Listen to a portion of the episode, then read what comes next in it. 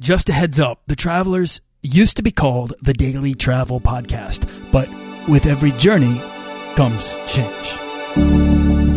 This podcast is produced by Holocene, a community of creative travelers. If you want to get serious about planning that next trip, writing that book, starting that creative project, or launching that business, we're breaking down the barriers between where you are where you want to be together at joinholocene.com. That's join, H O L O C E N E.com. Today I'm talking about the transformational power of travel with Wild Junkets Nellie Huang. You want to travel further and more often to visit new places and meet new people and expand the role that travel plays in your life?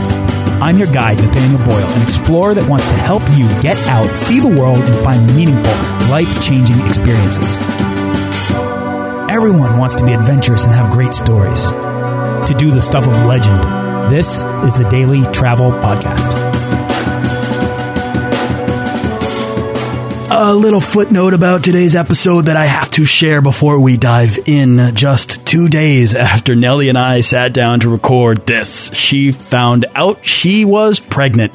and not just a little pregnant, but well into her second term. So how crazy is that? I'm thrilled to report that Nellie's doing well, but that she will not be going on the rickshaw run as planned and as discussed on this show.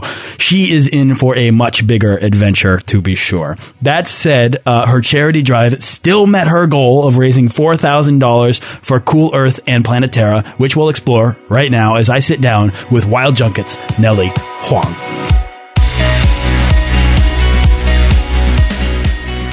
Nellie Huang is an independent journalist and editor with a love for the unknown and an eye for adventure, whose work has been featured in National Geographic Intelligent Traveler, CNN Go, International Business Times, and more.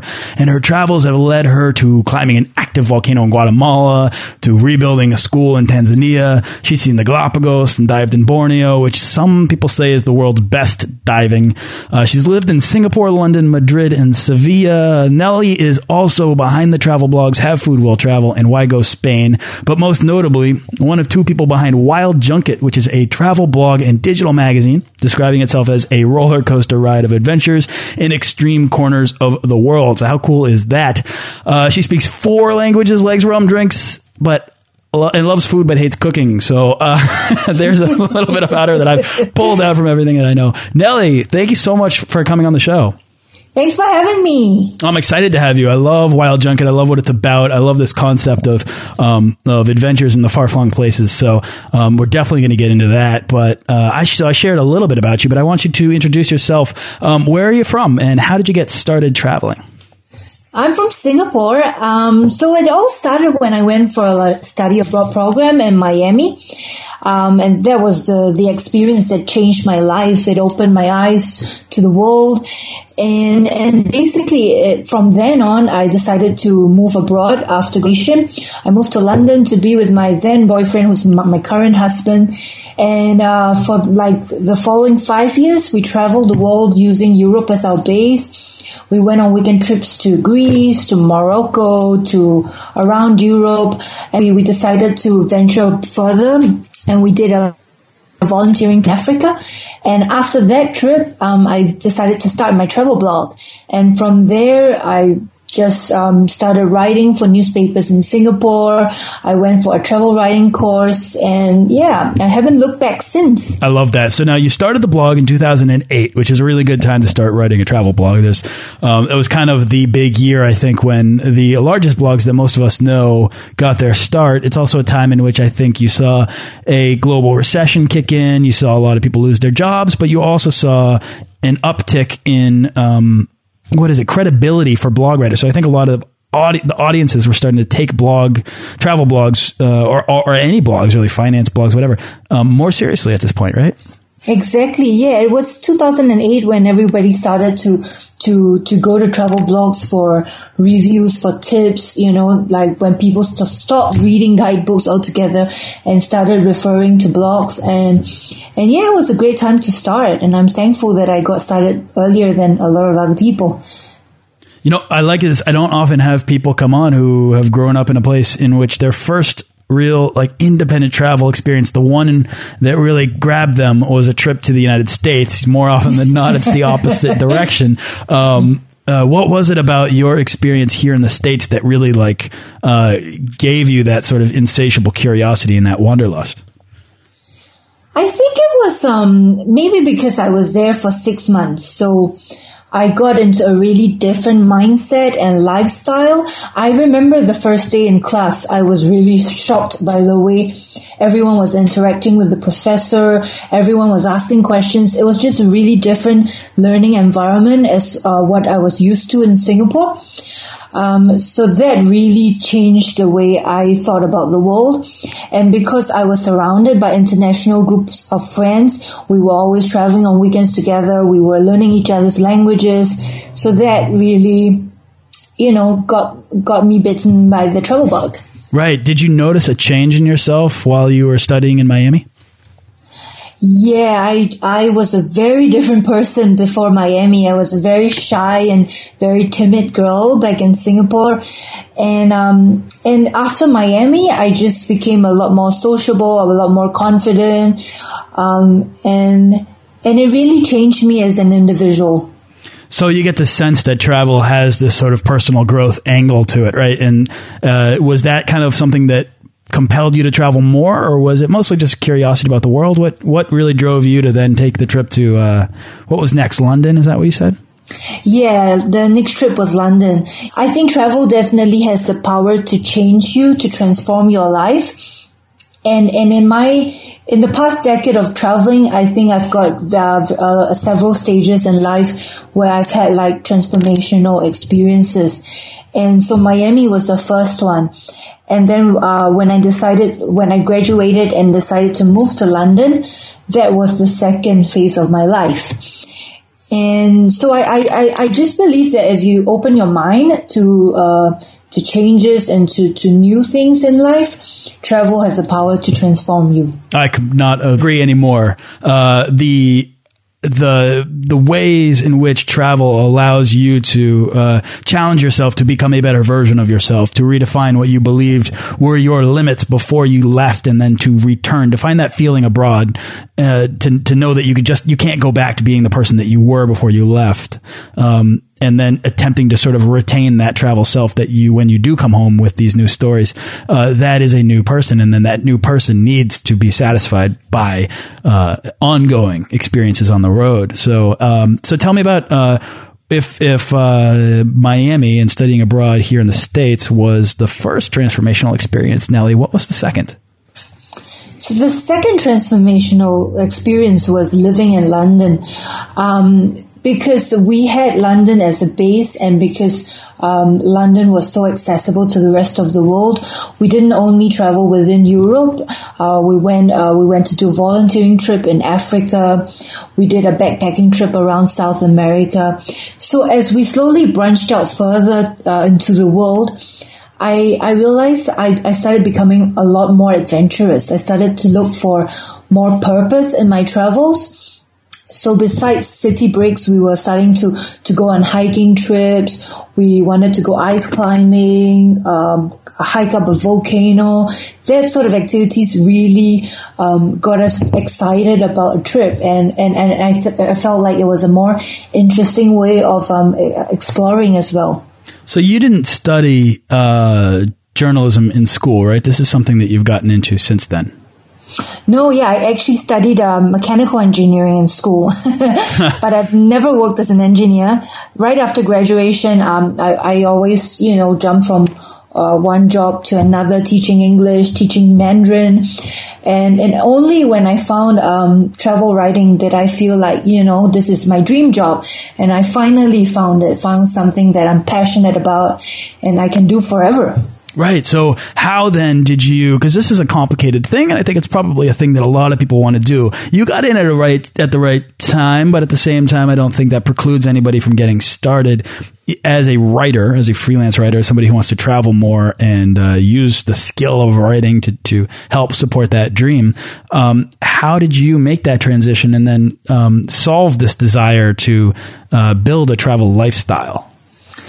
Um, I think the most important thing is to start uh, with a travel travel writing course. So I did a travel guidebook writing course in Guatemala with Viva Travel Guides, and that course really taught me the basics of writing that I needed. And um, after the course, I stayed on, and be- because uh, um, the company asked me to stay on, and they gave me an assignment, so I co-authored the Guatemala um, uh, title for them. So that was like my first big break into travel writing. And then from there, um, because of uh, the online world, you know, we've got such a great community of travel writers and travel bloggers. That was where I got all my contacts and I learned how to pitch to magazines and, and learn all the other skills needed in the travel writing world.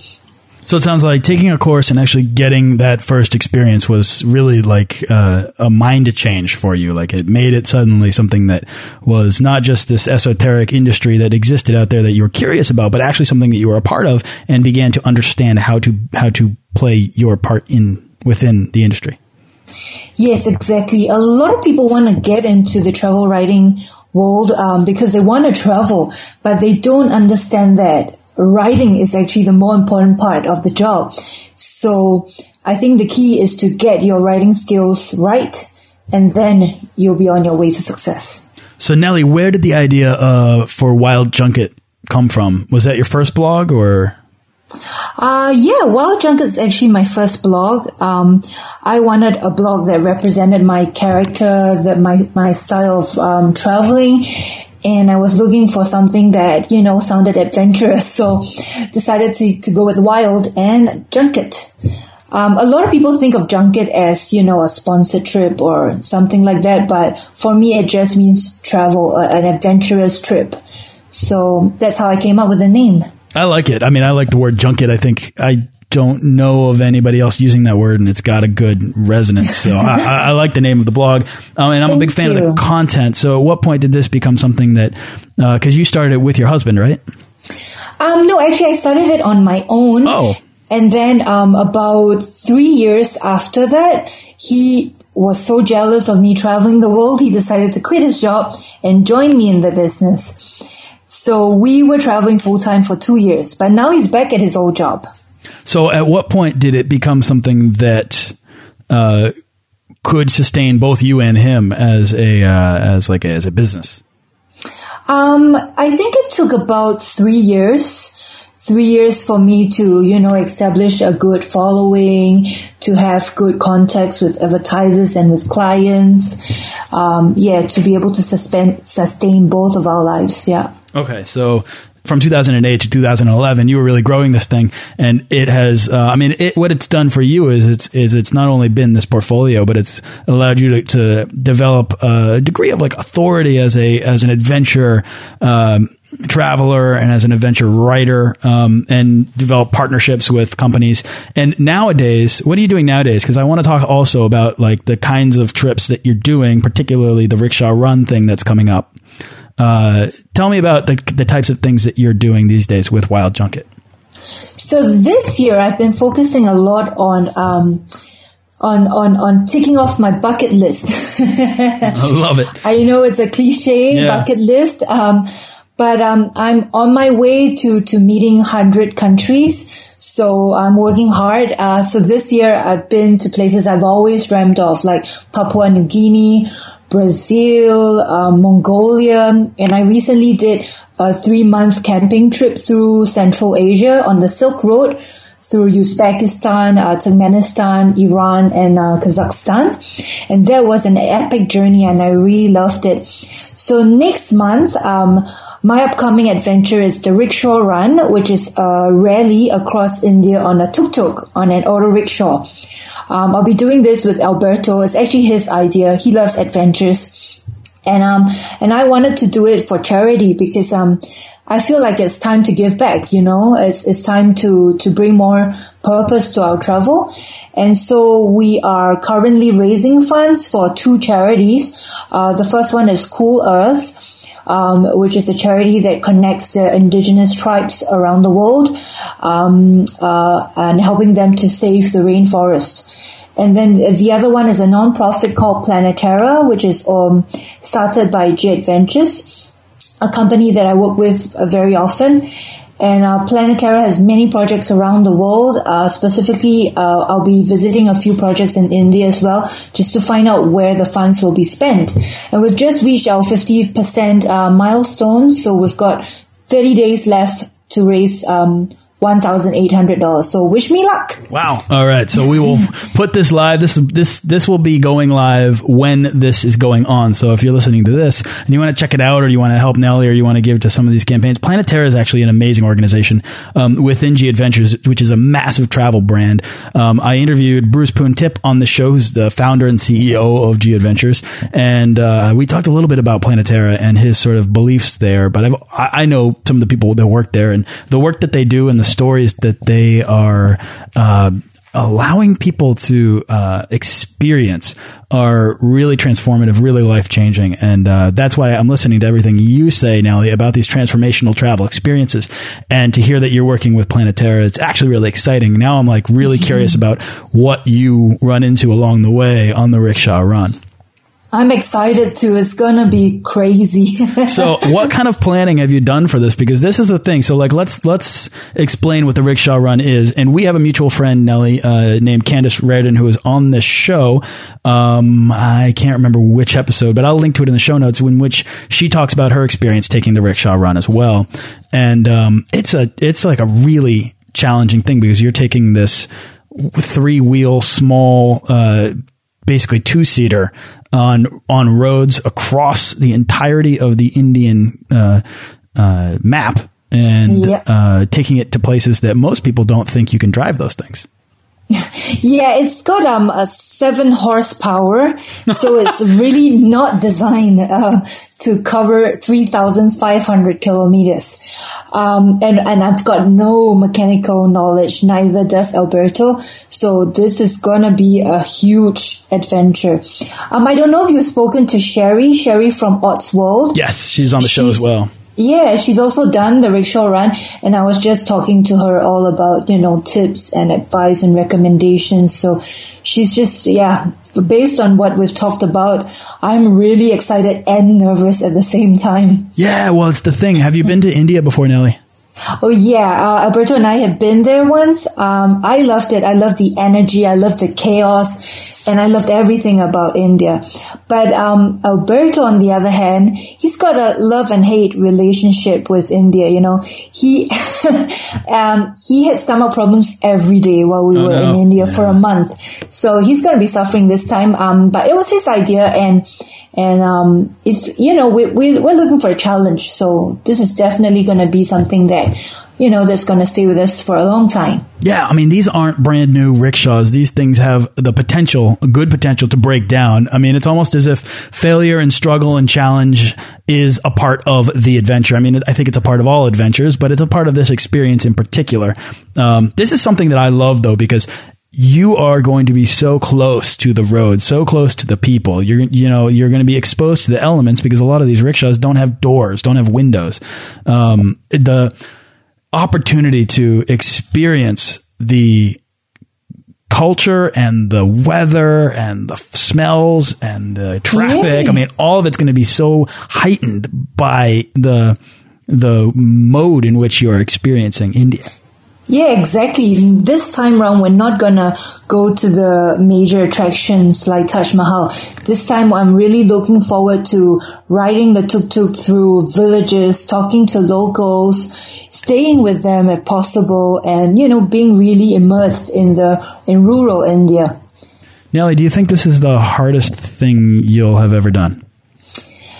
Um, this year I've challenged myself quite a bit. I did the Camino de Santiago. Oh, there you go. Um, and um, I've done quite a few things, but I think the Rickshaw Run is definitely going to be the biggest challenge in my life. So tell me then about the Camino de Santiago for anybody that's listening that doesn't uh, know where where that is. Um, so the Camino de Santiago is um, pilgrimage route um, that crosses the northern part of Spain. The most common route is the Camino Frances, where people start from, they start walking from the southern part of France through the whole length of Spain, and the final destination is the Santiago de Compostela in Galicia, in northern Spain. Um, and I currently live in Spain, so I, I've been wanting to do the Camino de Santiago for years. So this past summer, I decided that it was finally time. Uh, so I brought two friends along, and it was a big challenge. I may be quite adventurous, like I love skydiving, I love bungee jumping, extreme sports, but I'm not exactly uh, very fit, as the Camino de Santiago proved. Um, so it was a huge challenge because I had tendonitis in both knees. I was struggling to walk on a daily basis. Every day we walked for about um, eight hours, covering eight kilometers a day uh, and we walked continuously for two weeks. So we actually did only half of the Camino Santiago. Um, but it was a very spiritual experience, and I definitely recommend it to anyone who's thinking of doing it to do it. Yeah, I love it. So the Camino uh, de Santiago is made famous in The Alchemist, which is Paulo Coelho's book about um, the about Santiago, who is this this boy who uh, wanted more out of life. He wanted to, to find a purpose in the uh, the things in which he did, and he took this this route as a way to get out of his uh, comfort zone, to escape life, and to challenge himself, to find himself, to become a better version of himself. Um, somebody once said that this show was like The Alchemist um, brought to life, which I thought was like the best compliment it's ever gotten because that book is so um, rooted in the transformational power of travel. Mm -hmm. And so I think the the ideas of that I mean, to hear you say that it would be a spiritual experience, that it was one one of the hardest things you've ever done, it sounds like it it lives up to its reputation. Yeah, definitely. Uh, a lot of people on the Camino actually talked about, you know, how the Camino has changed you, and and a lot of people I talked to. Uh, have, have said that you know that um, after the Camino, I feel like I am more rejuvenated. I feel like I want to do something about my life. I want to change something about my life. And I felt that it had the same effect on me. It's really given me a push to do something more, um, to make my, my travel more meaningful in a way. Mm, I love that. I love that. All right. So, Nellie, uh, this is the part of the show where we're going to boil down the how and the why of travel into pragmatic advice. So, I'm going to ask you a series of questions and you'll give me your best travel advice. How's that sound? Okay, sure. Okay, have fun. For a lot of people, okay, taking that first step out of the door, that can be the hardest part of travel. So think back to when you were in Singapore about to go to Miami. What's your advice for anyone dreaming to take that first step to becoming a world traveler? I think the first step is to not worry so much about money because I think for a lot of us, you know, uh, money is always the biggest issue, especially when you're young and you have got student debts you, you're worried, you know, what's going to happen if you just, you know, leave, leave everything behind and go travel. But it, things will always work out. So I think it's just to go ahead and go explore. I love that. I mean, just to reduce the reduce the worry because uh, money really can be that impediment that stops so many people, and so it really is like the biggest hurdle for most people who want to travel more. So, Nellie, do you have a secret money saving tip or a travel hack? a secret money saving tip. Um, for me, because growing up in Singapore, we're a pretty consumeristic society. As you know, in Singapore, people shop a lot. So um, when I decided to save up for traveling, I avoided the malls. I did not go out at all. I stayed home with my parents. I ate at home, and I did not buy a single thing for a year. And that was how I saved money to move to London reducing those big expenses or those regular expenses that you don't necessarily need in in uh, for me I've always struggled with with the the what do I spend money on and what do I don't if I want to save. Um, I, you know, like there's certain things that just make me happy on a daily basis. Coffee, like really good craft coffee is one of those uh -huh. things. So I, I splurge on that. And you know what? It makes me happy every day, but cutting down on the cable television bill or the, um, the big nights out or whatever, like just, yeah. just like instead of going out saying, I'm going to stay in, maybe you guys want to do that. And then taking that like, you know, hundred dollars that you would have spent out and putting that away. It's the big chunks that make the big difference. Exactly. Exactly. Uh, do you have a favorite internet travel tool or resource that you use? Um, my favorite internet travel tool. Um, I'm a social media geek, so I love I love using um, Facebook and Instagram. Mm-hmm. I, I just love how I, I I'm able to interact with my friends even when I'm on the road. I love being able to like uh, share my updates live while I'm on a hike in a mountain in Kazakhstan. Um, I can share it with my friends. Um, and I love, there was one time when I was lost in, um, in a national park in Australia, in uh, the outback Queensland. I was a bit worried. I was a bit worried. And, um, but I had my friends on, you know, 3G and they were telling me, okay, go this way uh, try to find you know a ranger that way. I love so that. That was just amazing. Yeah. Yeah. I mean, social media could be such a great way. Reaching out on on Twitter, particularly using a hashtag or even just using the name of the destination that you're going, can sometimes yield a response from the people in these places. Uh, that happened to me once. I, the most obvious example was um, I was going to Vancouver. I just asked like, you know, where should I eat uh, in hashtag Vancouver, and something about the people of Vancouver love love their city and love to share uh, the uh, input, and I got like uh, flooded with tweets, just being like, "These are the places. What do you want?" Asking me questions about like customizing my experience. It was unbelievable. I love that. Yeah, yeah, it's so yeah, cool. I, I love getting like you know tips from locals straight from Twitter and live updates. Yeah, there was one time in Macedonia as well. Um, I, um, I, I was asking people for tips on Macedonia, and a girl tweeted me that, "Hey, I live here. You want to meet up? Um, I'm happy to show you around." So I ended up staying with her, and she you, she she brought me around, and she showed me you know an interesting local haunts, and I love that. Absolutely. Mm-hmm. And I, I, would imagine that the stories that come from just experiencing like a, a normal day with a normal person there, uh, uh, those can be so subtly transformational uh, in an amazing, in an amazing way. And the best stories always come from the people we meet and the ways in which we help each other find our exactly. way. Exactly. Yeah. Nellie, do you have a favorite travel book or a book that's inspired your travel style? Favorite travel book? Um, I've got a lot of them. Um, but at the moment, it's probably the book that I wrote recently. I love it. you gotta love your work.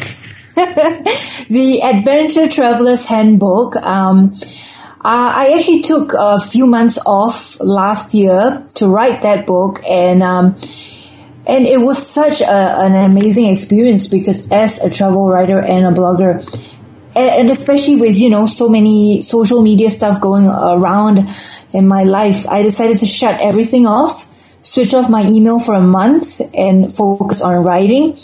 And and and and, and that experience i think shines through from my book. Um, and um, it's actually a mixture of tips as well as personal stories from my past decade of traveling and I, I really hope that these stories and tips will help both experienced as well as first time travelers to find a more adventurous way of traveling. Love it. What's it called again? The Adventure Traveler's Handbook. Okay, and I will link to that in the show notes of this page. You can check it out. Uh, Nellie, do you have a favorite piece of travel gear that you take everywhere you go? Um, favorite piece of travel gear. It's not exactly a gear. It's my iPhone. Yeah. um, I use it as a camera, as a, as uh, as my laptop, as my social media gadget, and everything, as my alarm clock. So my iPhone is just essential. Um, but other than my iPhone, I always travel with my Osprey backpack as well, my Wayward 65, and it's been my best travel companion for the last eight years. Uh, and yeah, it's amazing. It's lasted me through Antarctica, the Arctic, and everywhere else. So, love it. All right, Nellie, I think you're going to have a really interesting answer to this next question, but no pressure. what was your worst travel mishap? Ooh, worst travel mishap. I can't really think of something very dramatic, but um, I've missed uh, flights many times, um, or I've missed a media trip because I missed a flight, and um, um, what else? I can't really think of any. After a while, after you after you miss a handful of flights, I feel like uh, you, you, you realize it's not like the end of the world, right? Like you're gonna get out, you're gonna get on a flight eventually. And then so once you miss your first flight, you're probably bound to miss more in the future. Yeah, exactly. I think, um, after traveling, you know, so often for a few years, um, nothing really bothers me that much anymore. Maybe because I'm also a bit older now. Um, yeah, so I don't really take to heart these little incidents. That's I the guess. kind of mindset that you're going to have to have before you get on a rickshaw and drive it across India. Uh, Nellie, here's the last question of the round. What's the weirdest thing you've ever eaten? Ooh, I've eaten quite a few weird stuff, um, like bat, bat soup in Palau. that was really weird because the bat was very hairy, you know, it's got its eyes, teeth, hair, Oh, everything on. Yeah. oh, why, why don't they at least take the hair off? That's Yeah, I have no idea why. Yeah. Okay. yeah, it officially is one of the weirdest things that's that's come up on this show. So uh, that's awesome, Nellie. This has been really cool. Um, is there anything else that you'd like to share uh, or add to the conversation before we wrap up? Um, I've really had a great time talking to you. Um, and thank you for having me on the show. Oh, you're welcome. It's really, it's just been great to get to know you. We have so many mutual friends, both guests of this show, but also in person. That it's it's it's uh, uh, it's it's my honor to have you on and get to know you. What's exciting you the most right now? Where's your next trip, or what's your next uh, project? So actually, next week I'm gonna be exploring um, our backyard. We're currently based in Granada, Spain, um, and next week we are gonna explore uh, the province with Granada Tourism Board, and that's gonna be exciting. Um, the itinerary seems to be uh, quite secretive, but I think we're gonna be skiing and doing some winter sports. Uh, so that's exciting. Yeah, that sounds like a lot of fun. Um, Nellie Huang, where can people go to find out more about you? Um, so my main website is wildjunket.com. That's where you can find out all about my uh, past stories, my current adventures, and um, the publications I've written for, as well as my book. which I will link to in the show notes of this uh, of this episode. Nellie Huang, thank you so much for coming on the show and sharing these stories. I uh, just always love the opportunity to talk to anybody who is a believer in transformational power of travel. So thanks again for sharing that, and good luck. Really, good luck with the rickshaw run. If there's anything we can do to help, please let us know. Thank you. Thanks for listening to this episode of the Daily Travel Podcast. For show notes and links to everything in this episode and more, head on over to dailytravelpodcast.com. Join our Facebook page of explorers and subscribe to our newsletter for the best deals and resources to help make your next trip life changing.